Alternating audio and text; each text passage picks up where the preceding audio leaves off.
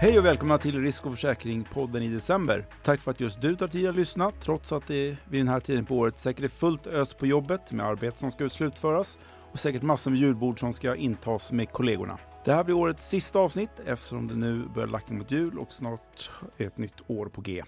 Jag tycker vi kör igång direkt. Eh, Gofido är ingen vanlig jycke utan är en försäkringsaktör som grundades 2019 av några före detta Avanza-kollegor, bland andra Annika Sarmies och Claes Hemberg.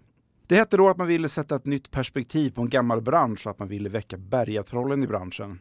Bland annat vill Gofido att det ska vara lättare att kunna byta försäkringsbolag och att försäkringskunder ska få billigare försäkringar där de kan välja vad de vill som ska ingå och att de varken blir överförsäkrade eller underförsäkrade. För ganska exakt två år sedan, i december 2020, anslöt Henrik Senestad från Alekta i rollen som försäkringsekonom på Gofido. Och han har bland annat ansvar för att sprida Gofidos försäkringstänk. Och det är just Henrik som är gäst i Risk och försäkringspodden idag. Välkommen hit! Tack så mycket! Hur är läget med dig? Jo, men det är bara bra. Eh, lite trött efter tidigt Lucia-firande, men annars är det bra. Ja, ja, det är ju Lucia idag när vi spelar in den här podden, ska vi ju berätta också. Så det är ingenting han gör varje dag. Ja, du började ju som försäkringsekonom på Gofido för två år sedan. Hur ser ditt uppdrag ut och vad är det du vill åstadkomma i din roll? Min roll är ju att vara oberoende och ge konsumentvägledning. Jag försöker sätta mig in helt enkelt hur konsumenten tänker på frågor rörande försäkring. Och då så skriver jag om det och medverkar i media kring det. Sen är jag ju även då, Gofido är ju ett relativt litet bolag fortfarande. Så att jag är även här idag då som representant för Gofido och pratar lite för Gofidos vägnar. Och du är helt oberoende? Jag är helt oberoende när jag skriver eh, och väldigt eh, noga med det. Annars så faller ju då all trovärdighet. Men Gofido då? Hur skulle du vilja beskriva Gofido som bolag? Som man kanske missar min inledning här. Kan du beskriva bolagets själ? Ja, jag skulle säga att om alla andra då försäkringsbolag och försäkringsaktörer de erbjuder då ett paket till alla som kommer in för dörren och vill ha då en hemförsäkring. Det Gofido gör är att erbjuda ett paket fast anpassat utifrån dina då behov och den informationen vi har om dig. Så att, eh, det är lite som eh, om vi skulle sälja läsk då så skulle alla andra sälja Coca-Cola men som vi skulle då även erbjuda Fanta och Sprite och Coca-Cola också. En hel back alltså? Ja, en hel back helt enkelt. Som det hette förr i tiden. Ja.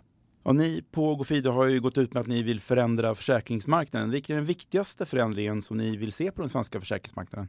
Det är framförallt tre olika frågor som eh, Gofido och faktiskt även själv driver. Och eh, den första frågan handlar om inlåsning. Att alla kunder per automatik blir inlåsta 12 månader i taget. Där vill vi förändra. Den andra frågan rör ju då att alla ska få då rätt pris och man ska inte bli bestraffad för att man har varit kund länge. Och den tredje grejen är att vi tycker att alla förtjänar ett skydd. De här 400 000 som är oförsäkrade, det är någonting vi vill komma till rätta med. Bra sammanfattat. Eh, vi kan ju fördjupa oss lite mer i det. Vi kan ju börja med den här rapporten som Finansinspektionen kom med i somras som kom fram till att försäkringstagare som är lojala mot sitt försäkringsbolag ofta får betala mer för sin försäkring än vad nya kunder får göra. Vad är er analys av den rapporten som kom från FI?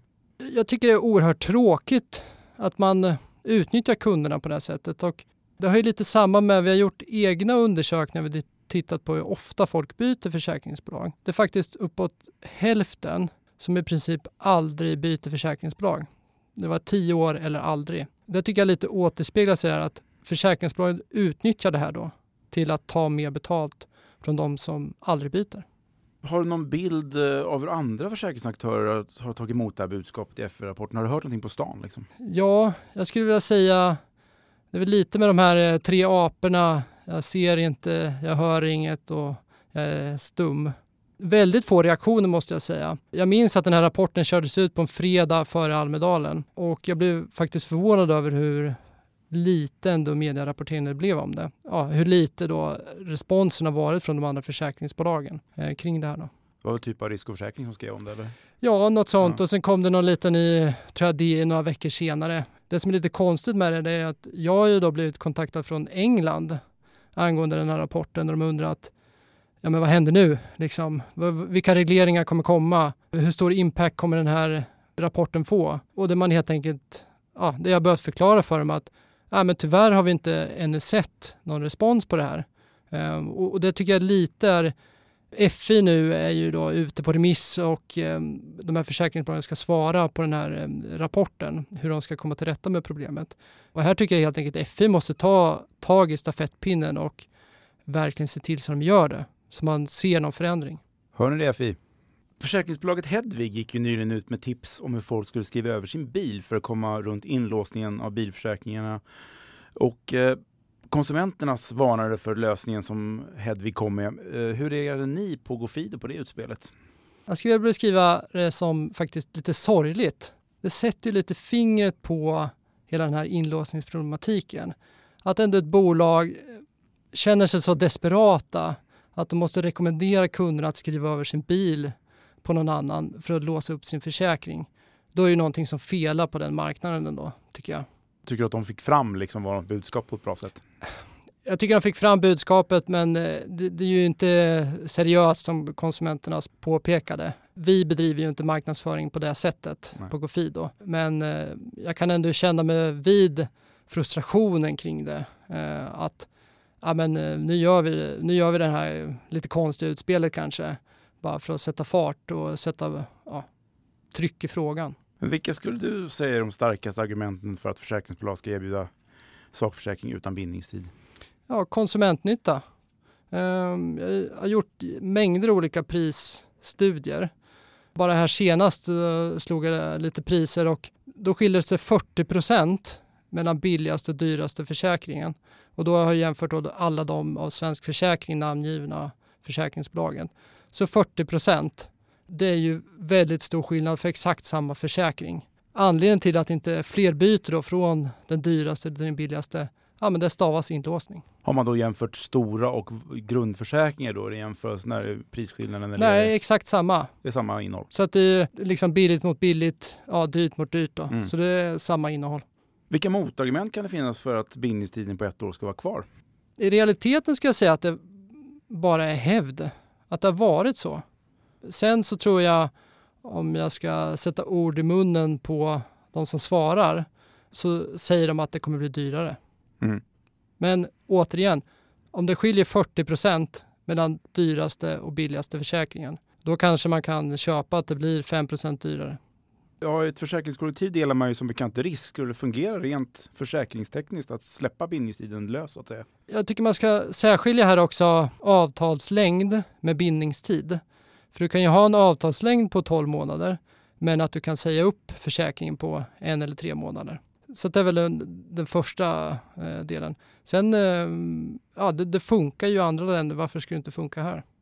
Har du sett något exempel på där det funkar? Vilket land? Vi behöver faktiskt inte gå så långt utan vi kan bara gå eh, lite västerut till Norge. Så där har man då en månads uppsägningstid. Sen så följer det faktiskt lite av, av vilken tradition man har. Att de länderna som har tysk tradition, där man liksom har liksom haft tyska återförsäkringsbolag och tyska modeller när man byggt upp försäkringsbolaget, så Tyskland, Holland, Belgien, ja, Sverige och Danmark, eh, även Finland då.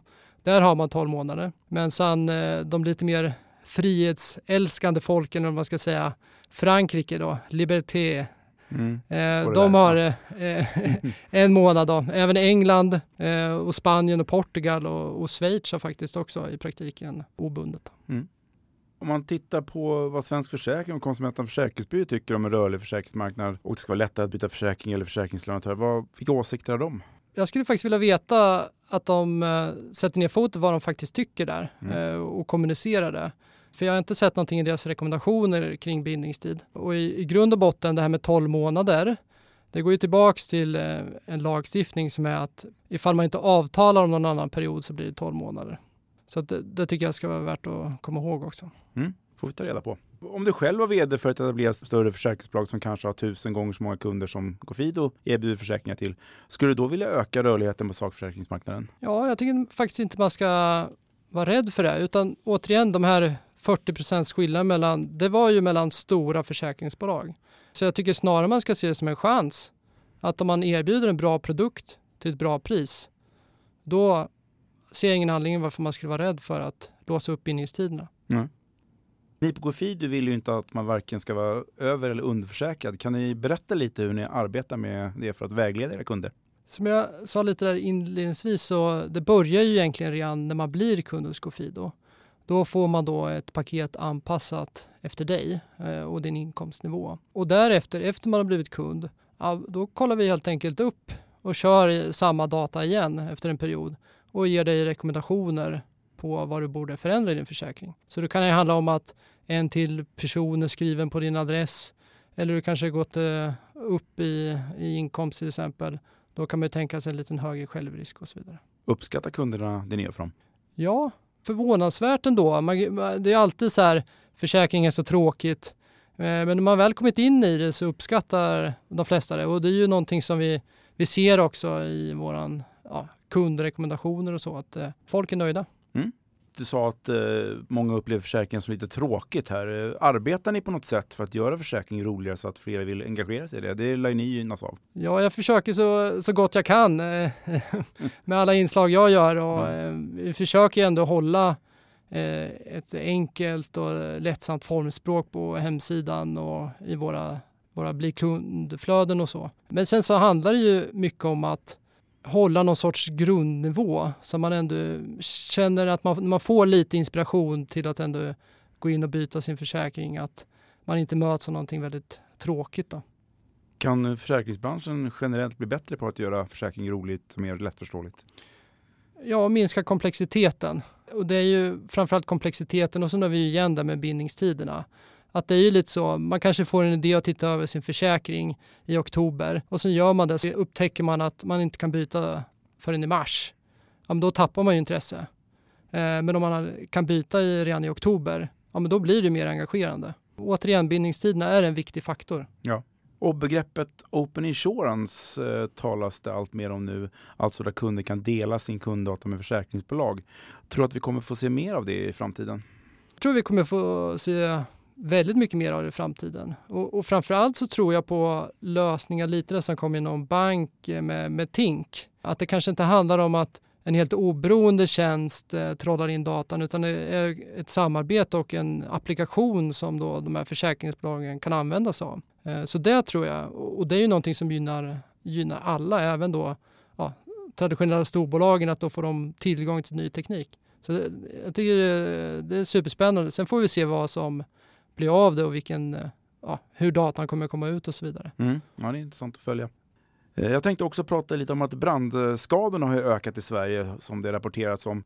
Varför tror du att det inte kan vara som det är med trafikförsäkring för bilar där alla enligt lagen ska vara försäkrade? Alltså man gör en obligatorisk hemförsäkring. Det var ett av, era, av de där tre sakerna du nämnde tidigare men jag vill höra lite mer om det. 400 000 svenskar står utan försäkring. Eh, men det är också skillnader inom det vem som är oförsäkrad. Eh, så att det är oftast de med, med lägst inkomster som är det som drabbas hårdast. Och det är ju lite som du är inne på. Ja, det är lite konstigt att vi försäkrar alla bilar men inte alla hem. Eh, och det kan ju få förödande konsekvenser för den som står utan försäkring. Eh, och man får komma ihåg att en hemförsäkring har ju mer skydd än bara mot brand och vatten. Så det är även då rättsskydd och vid överfall och så vidare. Det tycker jag absolut. Och här har ju då många olika aktörer kan spela en väldigt viktig roll. Så det handlar ju både om Hyresgästföreningen men även då fastighetsägarna. Så här tycker jag vi, vi kan se mer samarbete.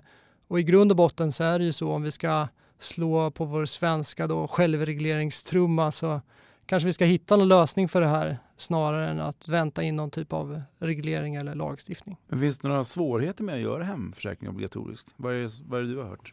Ja, men tidigare så hänvisar man ju väldigt ofta till eh, fackförsäkringarna. Att alla är medlemmar i, i facket och där så ingår en försäkring. Nu är det ju inte så många fack som längre där ingår i medlemsförsäkringen. Så det är ju oftast bara ett erbjudande. Eh, så, så, jag tycker det är ett väldigt mycket mindre problem kring den här överlappningen. Och sen så finns det ju lösningar. Ja, man optar ut helt enkelt om man har en försäkring sedan tidigare. Mm. Så att, eh, nej men jag ser bara en vilja framöver och att man faktiskt tar tag i det. Vet du om hemförsäkring är obligatorisk i andra länder? Jag vet att exempelvis på tal om brandförsäkring så i Danmark är ju brandskydd obligatoriskt. Men annars har jag faktiskt lite dålig koll på om de, hur obligatoriskt det är i andra länder. Mm, Danmark är, har den viktigaste delen kanske ja. då i hemförsäkringar. När du är här vill jag också fråga lite hur det går för Gofido. Vad är ni mest nöjda med under 2022? Ja, men att vi har fått all teknik på plats skulle jag säga. pratade lite om det här tidigare med via förslag då. Så dels förslag och dels att kunderna själva kan gå in och faktiskt eh, ändra sin försäkring när de vill. Så att eh, de delarna, att allting är på plats nu inför vår resa då 2023. Hur många kunder har ni? Vi har några tusen hushåll. Eh, Det är alltid lite hur, hur man räknar vad som är kunder. Mm. Men några tusen hushåll eller nära 5 000 försäkrade individer. Och sen har ni ju Eir som försäkringsgivare. Hur funkar samarbetet med dem? Jo men eh, bra. Eh, som vi sa tidigare, Norge stack ju ut där med ingen bindningstid så att eh, Norge har en bra tradition med försäkringsbolag så att eh, jag tycker det funkar bra. Och vill ändå tillägga att vi har ju inte bara Eir utan vi har ju även Bliva då På livsidan ja. på livsidan. Så att vi, Förlåt. vi samarbetar. Förlåt med- Bliva. Ja. Ja, Ni erbjuder ju idag hemförsäkring, villaförsäkringar, reseförsäkring och livförsäkring som sagt. Eh, vad säljer ni mest av?